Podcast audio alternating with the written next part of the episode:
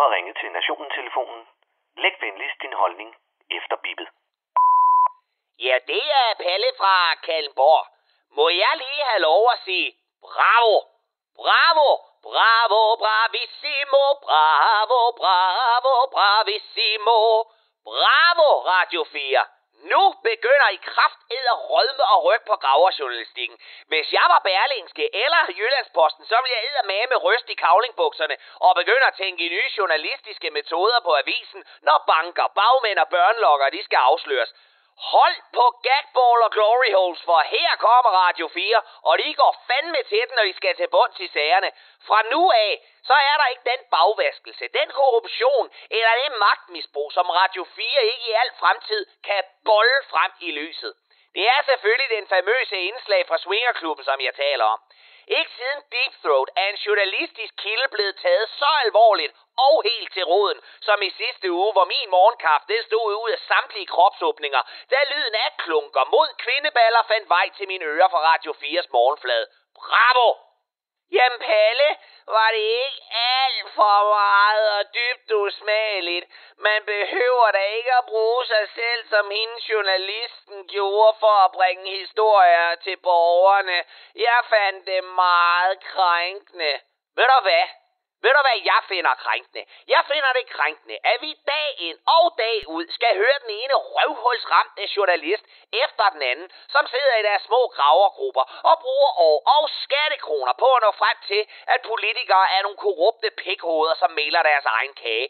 Hvorefter de selv samme journalister så giver sig selv en pris og runde gokker hinanden med tryksvært på hænderne i den fjerde statsmagt swingerklub i det fine København, hvor man kan høre rådhusklokkerne live og se politikens herointønde woke-prins og chefredaktør Christian Jensen i gadebilledet. Endelig, endelig var der en historie, som bogstaveligt talt blev klasket lige ind i øregangene på os almindelige danskere, som ikke gider læse aviser. Jamen Palle, hvad skulle alt det ulækre have løg til for? Jeg blev faktisk rigtig bange. Hvad det skal til for? Jamen for fanden i helvede menneske. Forestil dig, hvis det her det kunne en præcedens for en helt ny måde at give folk deres nyheder på. Prøv det på egen kropsjournalistik. Forestil dig Rasmus Tandholm live fra Syrien, hvor ISIS er i gang med at rive neglene af på ham. I sådan en grad, at han bedre kan forklare herre og fru Fiskefilet hjemme i Danmark, at de små ørkenrotter dernede, de er sgu farlige. Eller hvad med Ulla Terkelsen, der bladrer den engelske dronning i kødnovellen, så Ulla meget bedre kan forstå, hvad dronningen mangler efter prins Philips død. Forestil jer lige, hvis Henrik Kvartrup havde gagget tysk tyskkilden og givet Kent B. Rasmussen en hånder samtidig, så havde han måske ikke gået med fodlænke. Hvad nu hvis sladerkusten Ditte Ockmann fremover lod sit ansigt blive skåret i stumper og stykker, som de stjerner hun slader om, så... Ja, okay. Det var måske et dårligt eksempel, men I ved, hvor jeg vil hen. Til Radio 4's Louise Fischer. Jeg vil bare sige, you motherfucking go girl.